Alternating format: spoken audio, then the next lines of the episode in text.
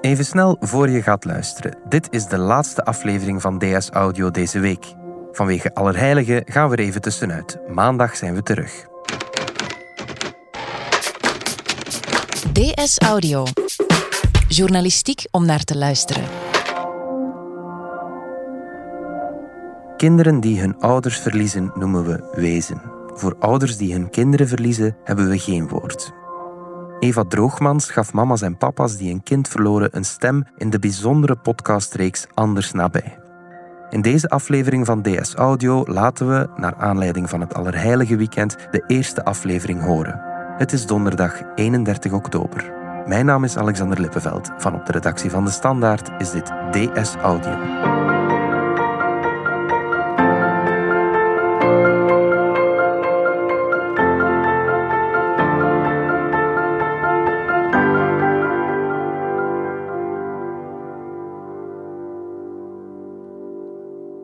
Eva Droogmans, welke podcast heb je gemaakt? Ik heb een podcast gemaakt van vijf afleveringen, Mhm. waarin ik eh, telkens met ouders ben gaan praten, vijf gezinnen in totaal, die een kind hebben verloren Mhm. en die daarover getuigen. Eh, niet alleen over het verlies zelf en over wie dat kind is geweest, want dat was voor mij ook heel belangrijk, hè, om de luisteraars mee te nemen naar die persoon die er niet meer is. Ja, Maar ze getuigen ook over hoe ze eigenlijk hun leven terug proberen vorm te geven, elke dag opnieuw. Hè? Want dat is, dat Mhm. is iets wat ik wel heb ervaren, dat het nooit verwerkt is en dat ze eigenlijk elke dag opnieuw voor dezelfde uitdaging staan. Waarom wou je deze podcastreeks maken?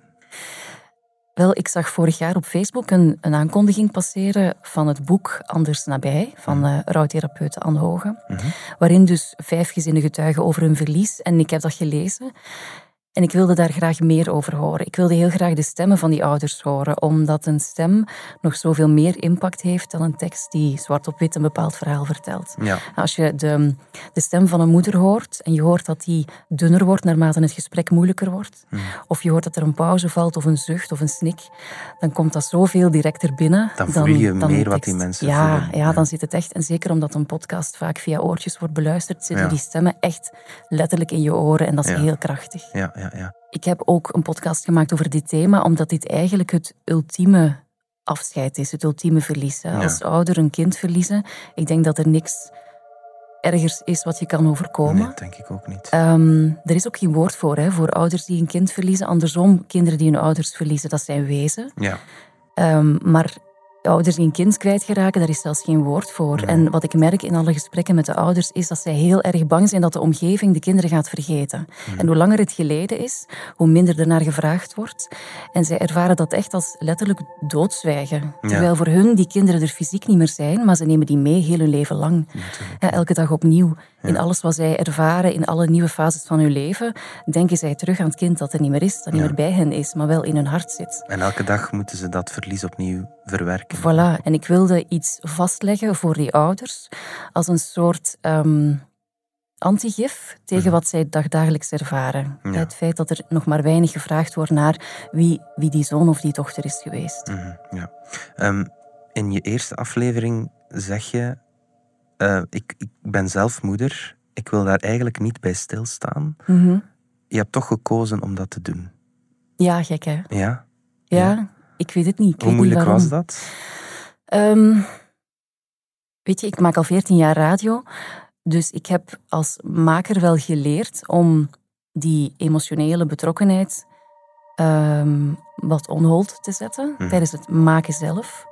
En daarmee bedoel ik dat ik mezelf bescherm om tijdens de gesprekken niet te zeer mee te gaan in verdriet dat ik hoor.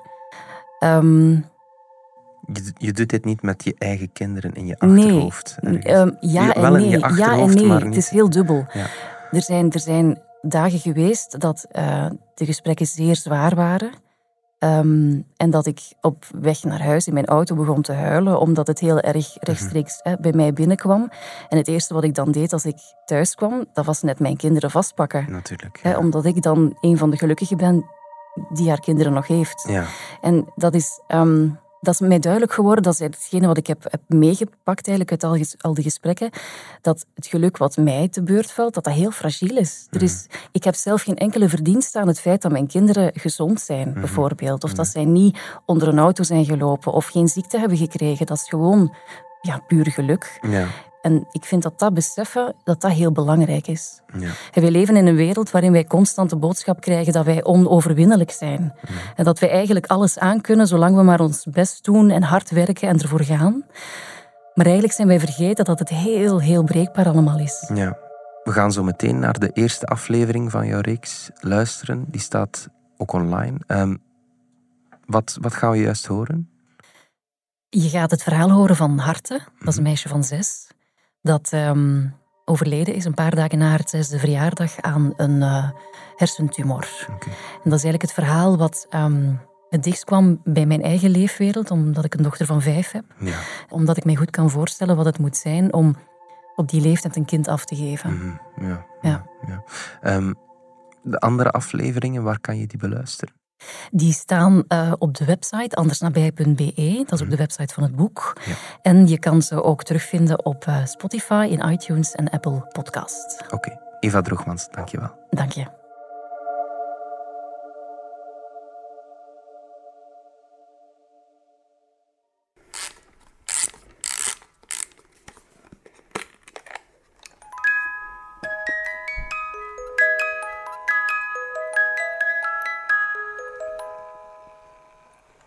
Dat is eigenlijk gekomen als cadeautje in het ziekenhuis. Hè. Dus dan brachten er kindjes of mensen cadeautjes mee. Dan, ja, dat zo, ja, je kent die wel. Dat zijn eigenlijk zo'n bepaalde reeks.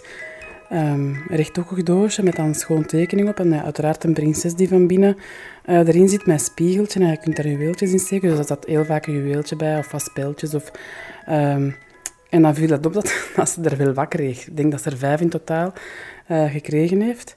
De mooiste is eigenlijk, zit er niet tussen, dat is mijn heks dat erop staat. En die heks, dat was ook het laatste project van school dat ze gedaan had.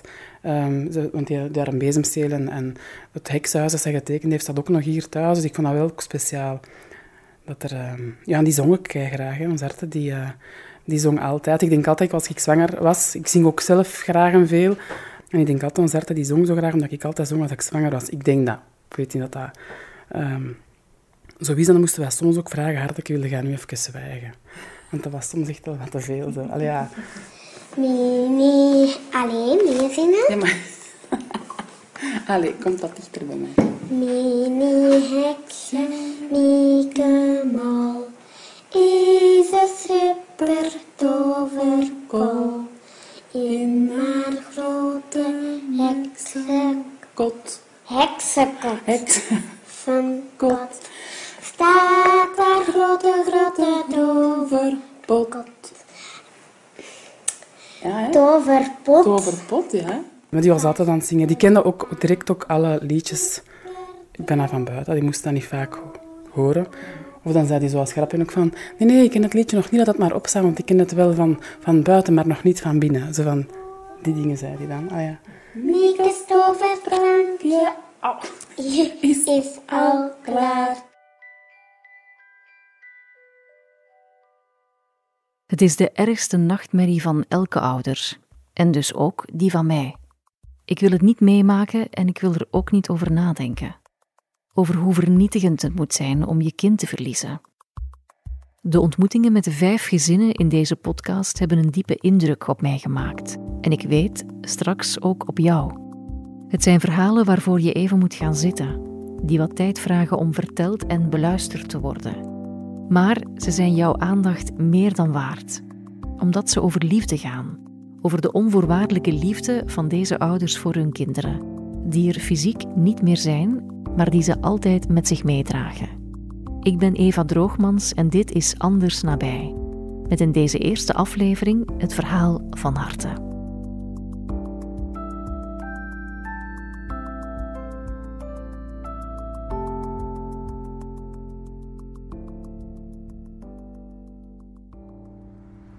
Elke en Johan wonen in een gezellig rijhuis in Mechelen. Samen met hun kinderen Tijl, Jenne en Annelief. Het is paasvakantie en de zon gooit voorzichtig haar stralen tegen de gevels van de huizen. Het is zo'n dag die je doet verlangen naar een warme zomer. Kom maar door. Zo moet nog uh, komen. Elke laat me binnen.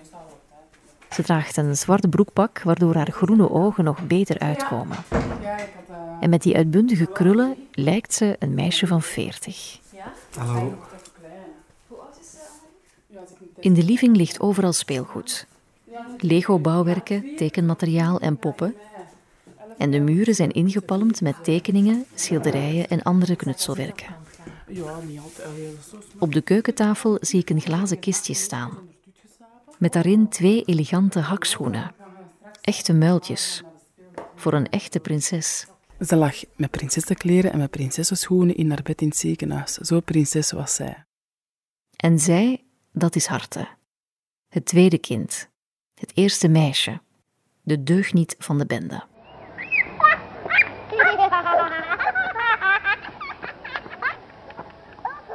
Harte.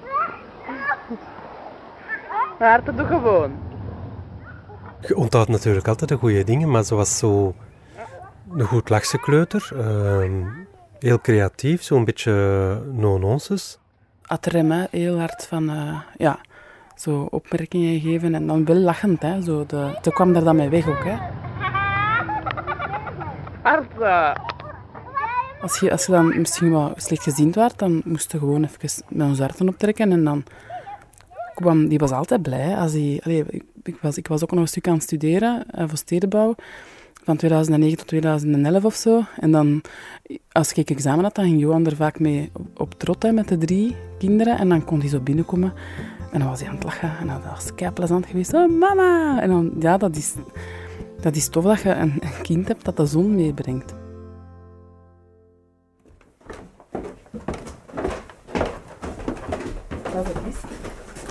Dit is hem, Ja, dat is hem.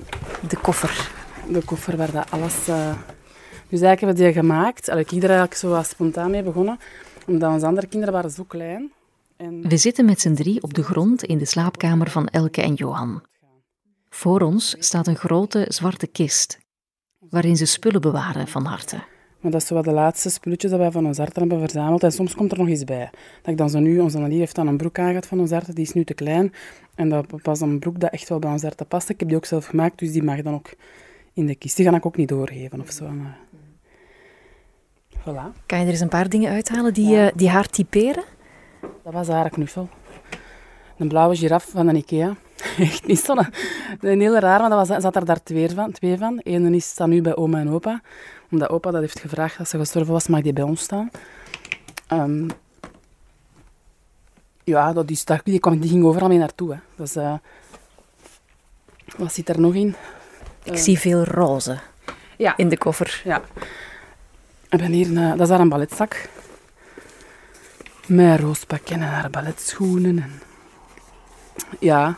Ze danste graag? ja, die danst elke dinsdag. En het is zelfs de week dat ze dan ziek geworden is, is ze zelfs een dinsdag nog gaan dansen. Of was dat, dinsdag was het, hè? Ja. Is ze dinsdags nog gaan, gaan dansen. Maar ze was, was een beetje, ze was een beetje de rebel van de, van de dansgroep ook. Zo van, ze kreeg toch regelmatig opmerkingen en ze liet dan wel vallen van ja, ik mag mijn ding niet doen. Maar dat is natuurlijk het verschil in een, in een eh, ballet, balletles, dat je dan inderdaad eh, mooi de pasjes moet volgen dat de juf zegt. En daar kloog ze toch wel eens over. Maar ze heeft dat, ze heeft dat inderdaad gedaan tot, eh, tot vlak voordat ze ziek werd. Dus ze deed dat op zich wel graag. Tussen de tekeningen, jurken en knuffels zie ik ook een wit kinderhandje liggen. Een soort afdruk.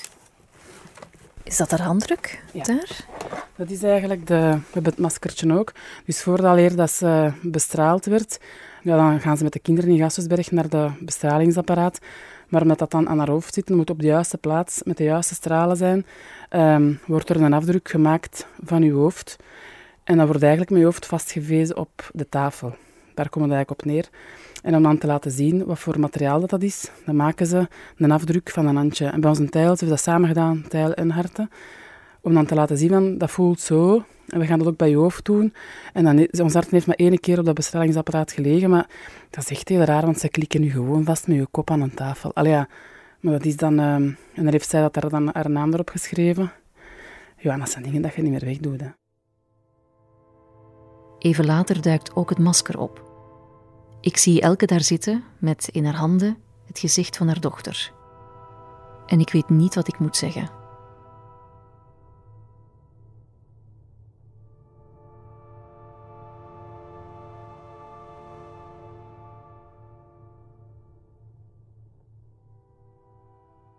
Harte is vijf als ze eind november 2012 met zware hoofdpijn in het ziekenhuis belandt. De dokters denken eerst aan griep. Maar als Harte hevige stuipen krijgt, maken ze in allerijl een scan van haar hoofd. En daar zit iets wat er niet hoort. Ik heb toen zelf gevraagd van wat is dat, want ik zag ook iets op die foto, op die scan. En dan zei hij, ik kan daar niks over zeggen mevrouw, maar wat ik zie is niet goed. En dan hadden ze dus de uh, neurochirurg opgebiept, denk ik. En die heeft daar nog niet eens een halve seconde naar gekeken. En die zei, OK, meteen geen steriel protocol. Dat is hetgeen dat ik nog weet. Ik was opgebeld en, en, Elke was aan het huilen en ze kon dat niet zeggen. En dan heeft die verpleegster dat overgepakt. Maar dan zeggen die, uh, meer als van het is belangrijk dat je langskomt, zeggen die niet. Maar ja, dat moet je niet zeggen, want dan weten dat, dan, dan begin je zo te gissen wat dat er allemaal aan de hand is en zo. Maar dan, en dan sla je eigenlijk in paniek. Dan probeerde alles te lezen, hè, want achteraf, ja, je zit al wachten bij intensieve, in dat wachtkamertje in Bonade. En um, die passeren allemaal en ze, ze, kunnen dan geen bloed prikken. En dan hoort altijd zo van die flarden. Wat dat ze dan zeggen. Als je daar achteraf naar kijkt, is dat zo hallucinant hoe dat je daar effectief bent doorgekomen. En dan de volgende dag hebben ze dan uh, nog een tweede katheder gestoken. En dan, dan was het gedaan. Dan moest ze, dan moest ze naar Leuven. Ja, en dan weet ook als ze naar Leuven moet. Allee, ja, dan moet je daar geen tekening bij maken. In het Gasthuisberg ziekenhuis van Leuven ontdekken ze dat Harte een glioblastoom heeft. Dat is een extreem agressieve hersentumor. Die tumor zit bovendien op een erg moeilijke plaats en opereren is niet mogelijk. Maar Elke en Johan staan klaar om te vechten.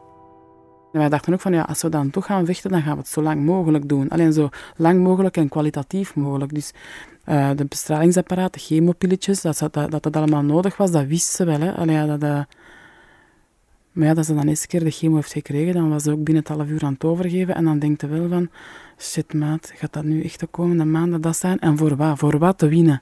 En je doet dat omdat ja, je wilt hopen. En je pakt dat kleinste sprankeltje hoop. Het moest maar eens helpen en je moest maar ineens eens een wonder meemaken. Hè. Dus je doet dat, hè, want je wilt je kind terug. Hè. Ja, je wilt dat die leeft. Hè. Ze wist wel dat ze ziek was en dat we, wij gingen vechten. De afspraak was dat wij gingen zeggen tegen haar, we gaan, wij gaan vechten, hè. we gaan zorgen dat wij kunnen winnen. Hè. Um, omdat ja, bij de kleuters van vijf jaar, als ze daar tegen zou zeggen van je gaat sterven, dan denk ik dat ze elke moment gaan sterven. En dus dan was de afspraak van we zeggen dat niet tegen haar. We gaan dat wel zeggen als het echt wel ja, de laatste weken of de laatste dagen, dan gaan we dat wel zeggen. Dat was met de psycholoog zo afgesproken dat we dat gingen doen. Ik vond dat heel moeilijk. Ik vond dat toen eigenlijk liegen. En als ouder, ja, je kinderen niet op met leugens, dus dat doe je niet. Tijl heeft wel een keer auto gevraagd, mama gaat haar te dood, terwijl ze ernaast zat.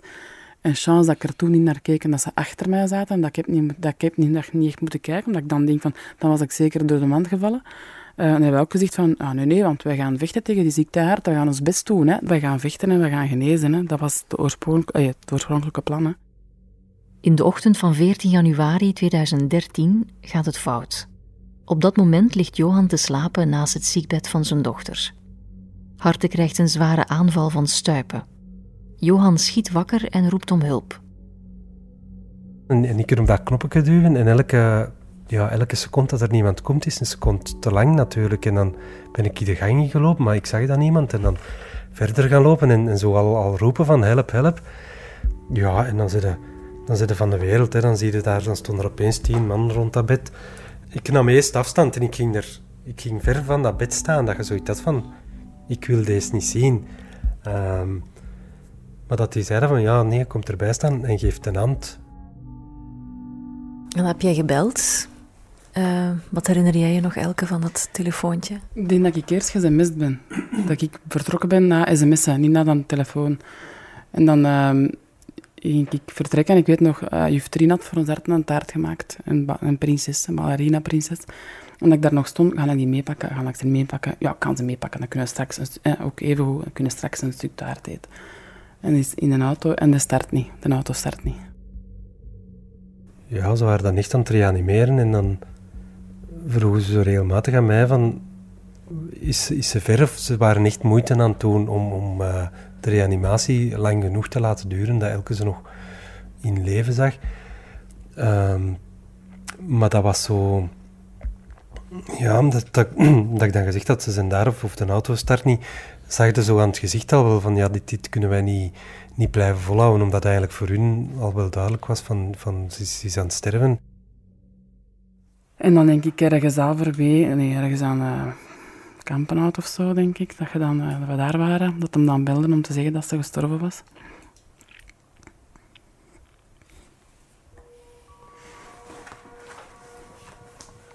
Ja, dat is hallucinant. Hè. Dan krijg je dat nieuws en je zit in een auto.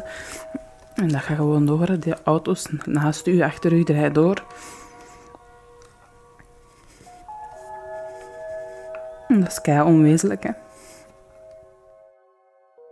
Harte sterft vier dagen na haar zesde verjaardag en na een strijd van amper zes weken.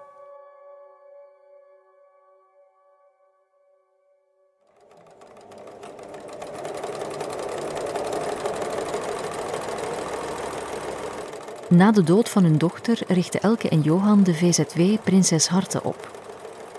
Met een groep vrijwilligers maken ze allerlei cadeautjes voor kinderen die zwaar ziek zijn en lang in het ziekenhuis moeten verblijven. Dit is heel mooi, vind ik. Ja. Super tof. Vrolijk hè, met die ballonnetjes. Ik ben voor de felle kleuren. Hè. Ja, er zijn ook mensen die graag eh, van die pastelkleuren zien. Hè. Dus we moeten een beetje alles maken. Ja.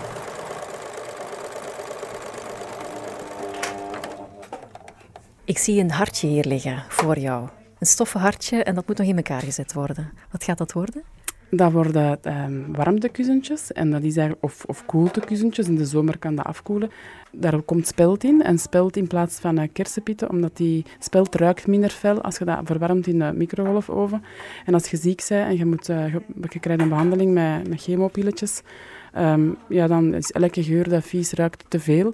Ehm, het is klein, omdat het voor kinderen is. Ehm, dat kan helpen voor buikpijn, voor hoofdpijn, voor de aandacht van de kinderen af te leiden. Eh, je kunt er ook heel goed mee gooien.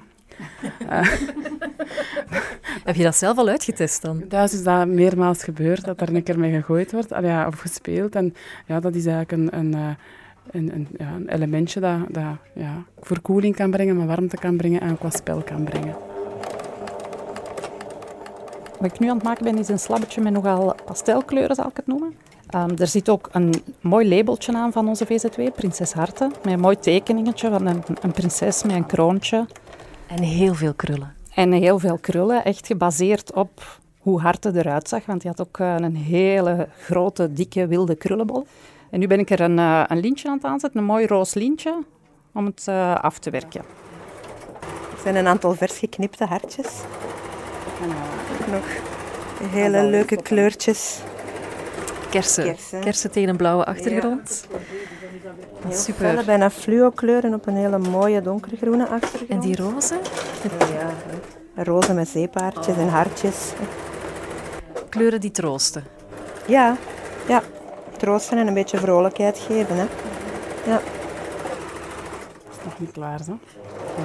Twee nog twee verstevigingen aanbrengen. Want als je daarmee gooit, dan is dat van belang dat dat goed stevig is. Wat was jouw, jouw eerste grote reden om, om dit te doen? Want het is niet zomaar iets wat je tussen pot en pint doet. Hè. Je kruipt veel energie en tijd in. Ja. Ik vond dat ongelooflijk onrechtvaardig voor de wereld, dat die ons harten niet konden kennen. Dus ik heb zoiets van, ja, ik vond dat... Wij gingen vechten, hè. wij gingen vechten tegen die ziekte en wij gingen winnen. En dat is niet kunnen gebeuren, hè, dat winnen. ehm, En dat vechten eigenlijk ook niet. Met alle energie dat ik toen heb eh, niet kunnen besteden aan, aan dat gevecht samen met ons harten, ehm wou ik iets doen. En ik, dat was iets dat van intern van mij kwam. Dat kwam uit het binnenste van putteke van mijn... Ik weet, kan dat niet goed verwoorden. Ehm, en dan, ja, die Sini kwam en, en Ilse kwam en, en Zwakke kwam. En ineens zat het thuis bij ons constant vol met mensen die met mij mee poppen aan het maken waren ik zou dat niet meer kunnen missen. Bij mij is dat al iets dat, dat al zo lang aanwezig nu. Dat is groot en dat groeit en dat is mooi om te zien. Ik meen dat ook echt. Hè. Dat is zo hebben een beetje opgetild door een omgeving. En, en waar ik zo dankbaar voor ben dat die er nog altijd zijn, ook na zes jaar nog. En ja, dat is niet klein. Hè. Er zijn is niet klein. Hè. Ja.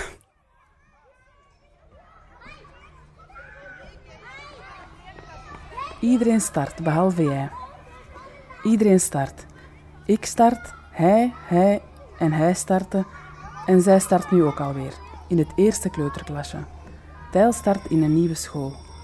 Jenne start het derde leerjaar in zijn veilige haven en papa en ik stappen het nieuwe schooljaar in met jullie alle vier. Maar jij niet. Jij start niet in het zesde leerjaar. Jij gaat niet alleen met de fiets naar school. Je gaat geen nieuwe projecten meekiezen in de klas. Je gaat geen dolle pret beleven of soms ruzie maken met je vriendinnen. Je gaat niet honderd uitpraten over de dingen die jouw jonge leven bepalen. Jij gaat ook dit jaar niet naar de Pyreneeën met de derde graad. Jij start geen nieuw girojaar. Wij zijn korter tegen elkaar, wij zijn ja, een beetje botter, vind ik, tegen elkaar. En in de week had ik het, uh, ja, was het vrijdag met terugkomen van vakantie, een hele zware dag met onze tijlen, onze, onze jennen. Klinken aan bras en vechten en naar de keel grijpen. Je zit al gekwetst door hetgeen dat je meegemaakt hebt. En dan, dan... Ik kan er dan toch wel veel meer van afzien als je dan nog eens zo ruzie maakt, omdat je zoiets hebt van, jongens, kom nu eens gewoon overeen. Allee, ik heb er echt geen behoefte aan of geen dat kan ik er niet nog eens bij pakken om daar uh, te gaan oplossen. En ik reageer dan ook totaal buiten proportie. Dat ik tegen de deur shot of dat ik met de deur slaag. Of, uh, op dat vlak ben ik wel serieus veranderd, denk ik. Ja, ik ben ik wat voorzichtiger met de, met de mensen. En ik verwacht ook van, van andere mensen dat ze met mij voorzichtig zijn. En als je met mij niet voorzichtig bent, dan ben ik eigenlijk ook wel vlug gekwetst. Er bestaat zo'n spreekwoord waarvan ik mij afvraag of het wel klopt dat tijd de wonden heelt? Ik vind dat niet. Allee, ik vind dat echt niet. En ik vind dat dat soms zelfs in de ging erger wordt, of geworden is. En, en dan stabiliseert dat. Dan valt er mee te leven. Allee, ja, iemand dat zegt van ik heb mijn verdiend verwerkt, ik, geloof dat niet. Ik geloof dat echt niet. Dat is nooit verwerkt. Dat is, je hebt dat dan misschien effectief weggestoken, maar heb je daar misschien ook niks mee gedaan. En op zich is daar ook niks mis mee als je daar niks mee wilt doen. Maar ik denk dat dat altijd op een bepaalde manier... Um, dat je daar iets gaat te doen mee hebben. de fiets van Lotte is gegroeid. Lotte was een vriendinnetje van ons harte. Um, die fiets is gegroeid. Lotte is dus gegroeid en ons harte niet. Dus, en dat is niet erg dat Lotte groeit. Dat is super fijn dat Lotte groeit. Maar het feit van, dat je dan ziet van... Die hebben, een, die hebben een grotere fiets mogen gaan kopen. En je weet van... Die glinsteringen in die hun ogen als ze een fiets krijgen. Of dat je die mocht blij maken. Dat je, en hoe jammer dat dat dan is voor ons hart dat zij er niet meer is. En ik denk dat er zeker nog veel tig, allez, tig momenten gaan komen waar wij gaan zeggen van, ja, kijk, hier is weer, weer geen nieuwe herinnering bij. Want dat vind ik soms het zwaarste, dat je geen nieuwe herinneringen hebt. Dat je ook zo blij bent als iemand anders nog iets komt vertellen over ons hart dat je nog niet wist. Of een foto, dat iemand nog een foto heeft gevonden, dat dat dan doorstuurt. Uh, dan denk ik van, zie, cadeau gekregen. Allee, ja. Maar om te gaan zeggen dat dat, dat, dat slijt. En deel je verhaal, omdat je merkt heel snel dat als je dat niet deelt, dat mensen er ook niet meer achter vragen, terwijl dat je dat misschien wel nood hebt om, om erover te praten. Of dat het tot de cliché vraagt van, sava een beetje. En dan denk je, ja, ja, sava. En dan is het gesprek uh, gedaan natuurlijk. Ik vind dat we daar eigenlijk allemaal heel weinig rekening mee houden in, het normale leven. En dat je nu na zes jaar in de val zou kunnen trappen van, van uh, te doen alsof dat er niks gebeurd is. Allee, en ik denk dat dat, zo de, dat dat voor mij het zou zijn, van dat, er, eh, dat zij niet meer ja, ergens vertegenwoordigd wordt op een bepaalde manier. Dus ik, ja, als er niet meer over je kind gesproken wordt, dan, dan gaat hij pas echt dood. Later die avond scroll ik door de Facebookpagina van Elke. En ik kom een tekstje tegen waarin ze het volgende zegt. Na een tijdje besluit je om zo gelukkig mogelijk te zijn. Want geluk lijkt een vorm van wraak, van verzet. Niets is oké, maar toch is het oké. Het leven gaat verder. Mini Mikamal is een super tovervol in haar donkere heksenkot staat haar grote, grote toverpot. Varkenstaarten, kikkerdril, koeien-ogen in de bil. Veel saladokus, roeren maar, Mieke drankje is al klaar. De ouders in deze podcast Anders Nabij hebben ook meegewerkt aan het gelijknamige boek van rouwtherapeute Anne Hoge. En door de lange gesprekken die zij met hen had, hebben hun verhalen zich ook in haar hoofd genesteld. Het is mooi dat Elke en Johan ook spreken over hun, hun partnerrelatie, wat dat toch vaak een, een heel erg vergeten thema is na het verlies van een kind. Want het is toch wel een, uh, een ongelooflijke uitdaging, ook als koppel, om, uh, om, ermee, om verder te gaan. Iedereen, elk, uh, elke partner houdt dan op zijn eigen manier. De ene wil er meer over spreken, de andere wil er niet over spreken. Iemand wil veel foto's en er veel mee bezig zijn, anderen niet. Allee, dat, is, dat is heel erg uh, zoeken en dan ga je toch vaak over, ja, wat een, een mildheid en een tolerantie. Naar jij zei anders dan ik, maar dit is, dit is ook goed. Ja, voor alle rouwenden geldt dat, hè, dat er toch ergens een, um, een reserve die je vroeger had um, voor het overlijden, dat je, die, dat je die niet meer lijkt te hebben, zodat er dat je geen overschot niet meer hebt en dat er dus een bepaald energieverlies is. En rouwen, dat is zo, ja, dat is zo gelijk een app op je gsm die op de achtergrond toch wel voortdurend aan het lopen is en toch wel wat energie vraagt. Dat is, doodvermoeiend. En als je dan naar elkaar toe als koppel, um, dan is het toch wel, ja, dan, zit het soms, dan, dan zijn het soms wat botter tegen elkaar of dan heb je minder, minder overschot. Wat dat op zich ook wel een, een mooi teken van vertrouwen en van liefde is dat je net tegen een partner waarvan dat je veronderstelt dat die wel wat kan verdragen van u, uh, ja, dat je daar dat masker van, van de glimlach en het masker van de energie niet voortdurend uh, moet opzetten. Wil jij graag reageren? Dan kan je terecht op andersnabij.be. Deze aflevering werd gemaakt door mij, Eva Droogmans, en Sarah Gilles schreef de passende muziek.